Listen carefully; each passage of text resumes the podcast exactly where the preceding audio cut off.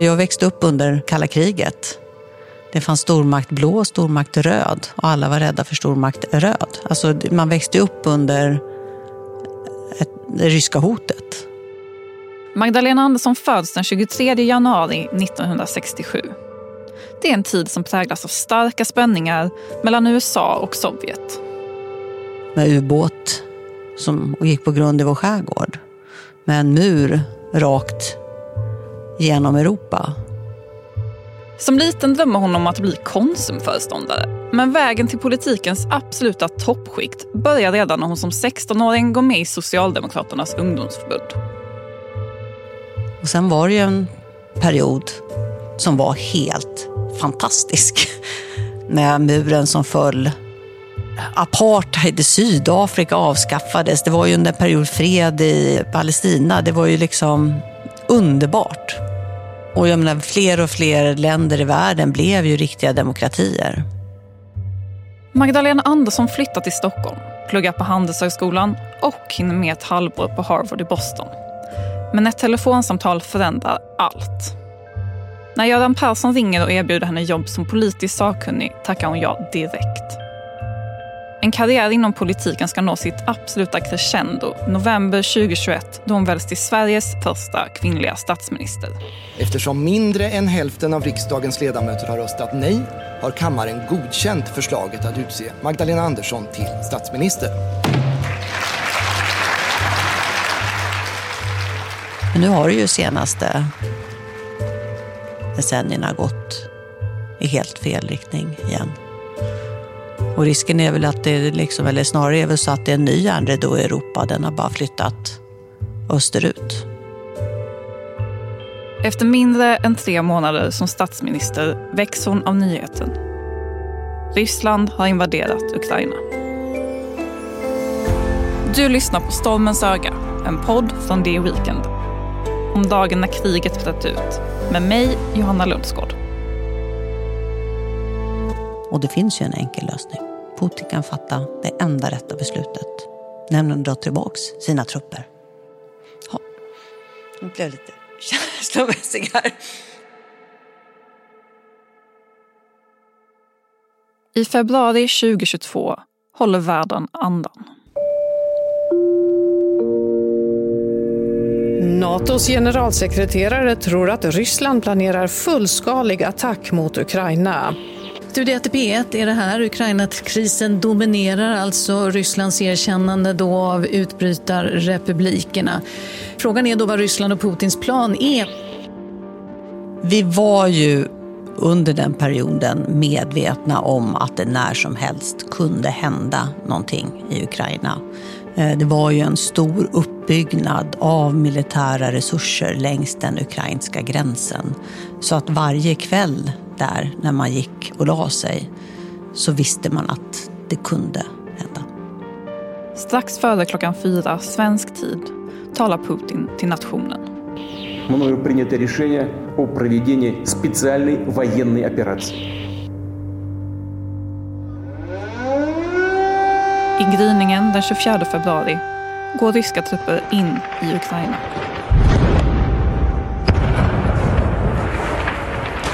En av mina medarbetare ringer mig tidigt på morgonen och eh, berättar att eh, de har påbörjat en fullskalig invasion av Ukraina. Och då beger jag mig omedelbart till mitt eh, arbetsrum. Det tror jag inte tog mer än en kvart då. Borsta tänderna, klä på mig och gå till jobbet. För första gången sedan andra världskriget har ett fullskaligt invasionskrig brutit ut i Europa. Magdalena Andersson blir alltså den första statsministern sedan Per Albin Hansson som regerar Sverige med ett storkrig i vår närhet. Ja, men det är ju väldig koncentration och göra sig mentalt redo för en eh, hård arbetsdag. Samtidigt som man ju hela tiden hade med sig att eh, det här var eh, liksom hård arbetsdag för mig. Men jämfört med alla människor i Ukraina så var man ändå i en helt annan situation.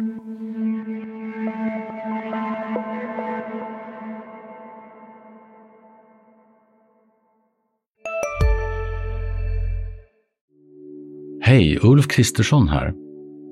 På många sätt är det en mörk tid vi lever i. Men nu tar vi ett stort steg för att göra Sverige till en tryggare och säkrare plats. Sverige är nu medlem i Nato. En för alla, alla för en. Vi är specialister på det vi gör, precis som du. Därför försäkrar vi på Swedea bara småföretag, som ditt. För oss är små företag alltid större än stora och vår företagsförsäkring anpassar sig helt efter firmans förutsättningar. Gå in på swedea.se företag och jämför själv. Det är tidig morgon.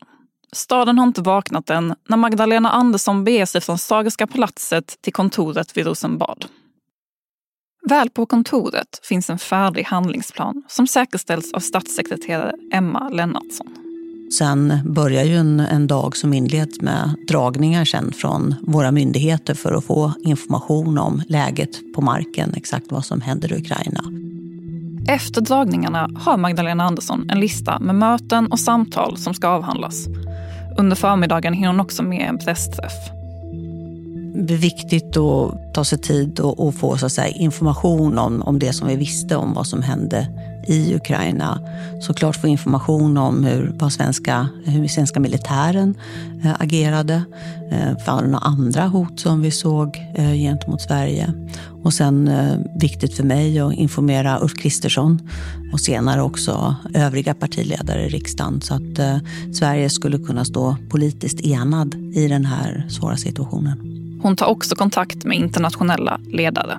Eh, jag har telefonsamtal med president Zelensky, Sauli Niinistö, eh, Finlands president. Och sen på kvällen så träffas ju alla EUs stats och eh, regeringschefer i, i Bryssel. Så då träffar jag ju hela, alla dem. Timmarna går efter invasionen. Ukrainas president Zelensky ringer ledare i hela västvärlden. Joe Biden, Boris Johnson och Olaf Scholz. Putin's latest attack on Ukraine was premeditated and totally unprovoked. This hideous and barbaric venture of Vladimir Putin must end in failure. Klockan kvart i fyra på eftermiddagen är det Magdalena Anderssons tur att ta emot ett samtal högst upp i Rosenbad. Eh, och eh, det är klart, det är naturligtvis ett samtal som berör väldigt, väldigt mycket. Och stå i, i, i telefon med en kollega vars land just är utsatt för en fullskalig invasion var väldigt oklart eh, vad som skulle hända de kommande dagarna. Jag imponerades över hur samlad och beslutsam som han var. Över eh, hans väldigt fasta övertygelse om att det var rätt att stanna kvar i Ukraina och kämpa. Och att han ville kämpa tillsammans med det ukrainska folket. Samtidigt som Magdalena Andersson gör sig redo för att åka till ett extrainsatt toppmöte i Bryssel har ryska styrkor tagit kontroll över kärnkraftverket i Tjernobyl. Det kommer uppgifter om att hundratals explosioner inträffat i Ukrainas strategiskt viktiga hamnstad Mariupol. Att en ledare i Europa 2022 väljer att starta ett fullskaligt invasionskrig. Så fruktansvärda övergrepp som har begåtts i Ukraina. Alltså hur kan man bomba barnsjukhus? Eller platser där man vet att människor har sökt skydd.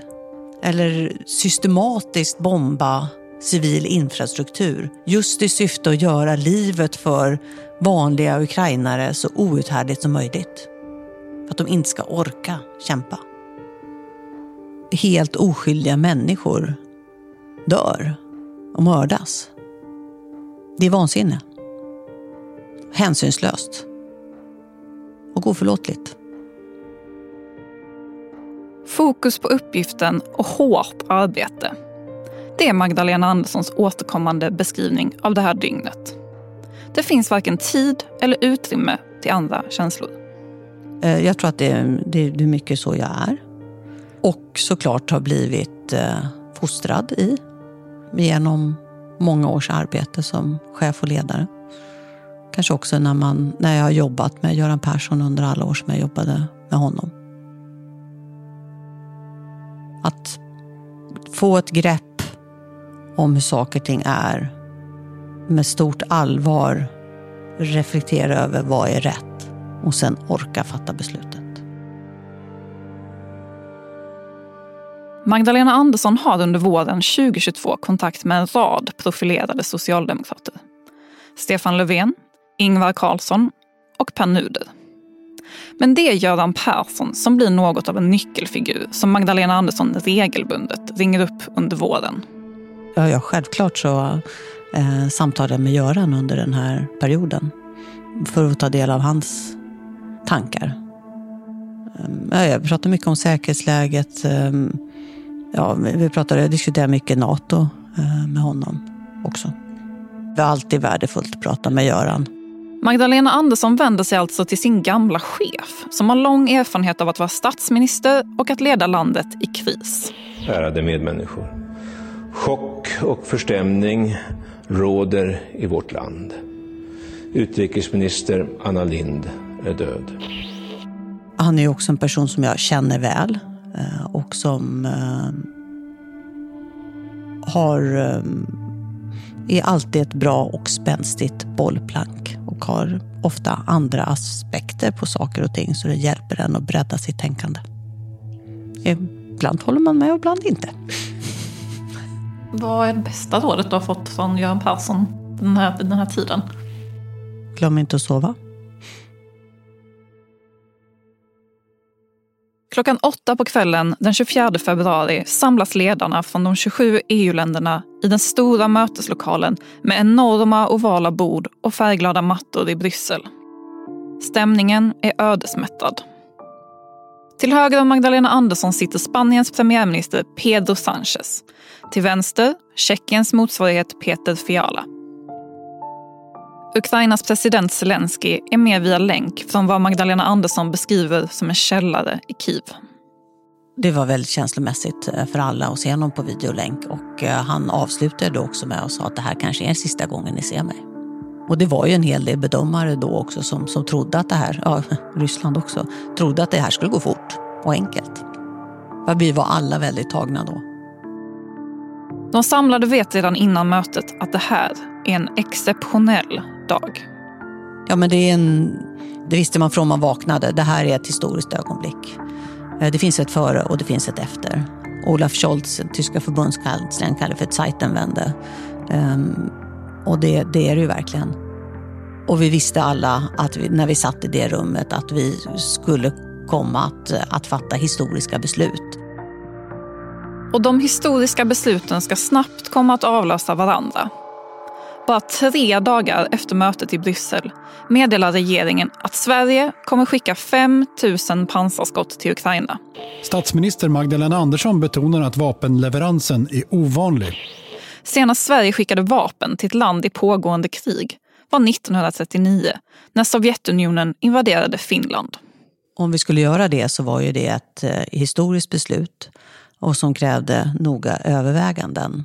Eh, så att där började vi ju snabbt och eh, diskutera det. För det är klart att det, eh, det är inte riskfritt.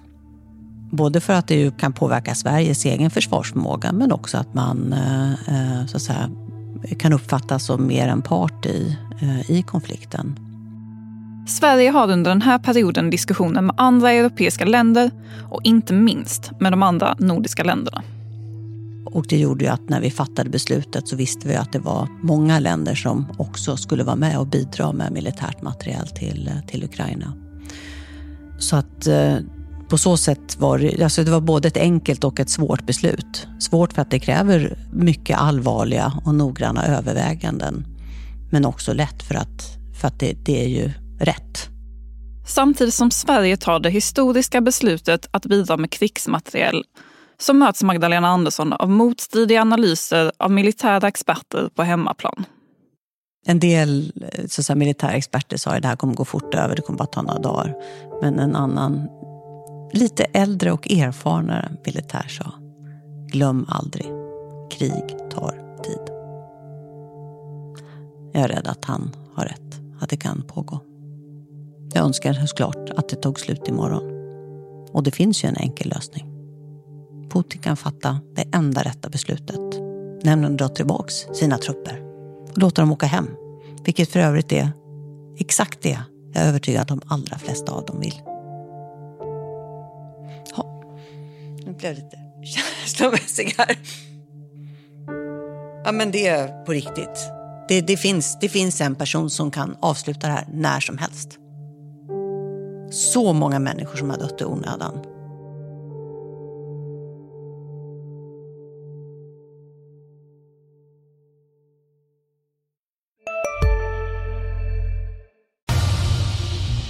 Expressen gör varje vecka podden Politikrummet där vi djupdyker i det senaste och viktigaste inom svensk politik. Med mig, Filippa Rogvall, som programledare tillsammans med mina vassa kollegor. Och det är ju ni som heter... Thomas Nordenskjöld. Anette Holmqvist.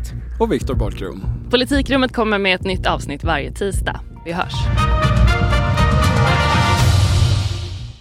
Hej, Synoptik här. Hos oss får du hjälp med att ta hand om din ögonhälsa. Vår synundersökning kan vi upptäcka både synförändringar och tecken på vanliga ögonsjukdomar. Boka tid på synoptik.se. Invasionen i Ukraina innebär också en historisk helomvändning när Socialdemokraterna säger ja till ett svenskt medlemskap i Nato och lämnar 200 år av alliansfrihet bakom sig. För mig, i takt med att diskussionerna fortlöpte så tyckte jag att argumenten för att inte gå med i Nato lät mer och mer ihåliga. Och eh, började väl där och då tänka att det, det kanske är rätt att, att göra på det här sättet. För bara några månader sedan pläderade Magdalena Andersson för fortsatt alliansfrihet, något som partiet också har kongressbeslut på. Men idag sa hon att det är tydligt att det finns ett före och ett efter 24 februari 2022. Många av de socialdemokrater som länge har jobbat med de här frågorna tycker också att det var rätt beslut. Det hade jag också, jag hade naturligtvis hade långa samtal med mina företrädare som partiledare men också personer som har jobbat länge med utrikes och säkerhetspolitik i, inom socialdemokratin. Det var en, liksom en viktig del av i mitt arbete för att komma fram till vad jag, vad jag tyckte var rätt. Inom loppet av några veckor går Magdalena Andersson alltså från att helt utesluta ett svenskt NATO-medlemskap till att säga ja. Eh, det var ju, ehm, jag höll på att säga plågsamt, men det är inte rätt. Men det var ehm, ansvarsfullt. Men nödvändigt. Men också så här, det är klart, det gick fort. För partiet och partimedlemmar så är det klart att det hade varit bättre att ha en längre process. Magdalena Andersson säger att hon inte kan återge den dag eller plats när hon tog sitt beslut. Men hon minns särskilt ett möte. Ja, men det var så. Jag satt och lyssnade på några personer som tillsammans jag, framförde alla de argument som brukar framföras mot att gå med i Nato. Och så när jag hade lyssnat klart på den här diskussionen så kände jag bara, det håller inte. Nackdelarna väger inte tillräckligt tungt i förhållande till fördelarna. Det kom de personerna också fram till. Ganska snart efteråt. Men vilka var det? Det kommer jag inte berätta. Hon skulle sitta kvar som statsminister tills valet i september samma år. Hela tiden med Ukraina-kriget i bakgrunden.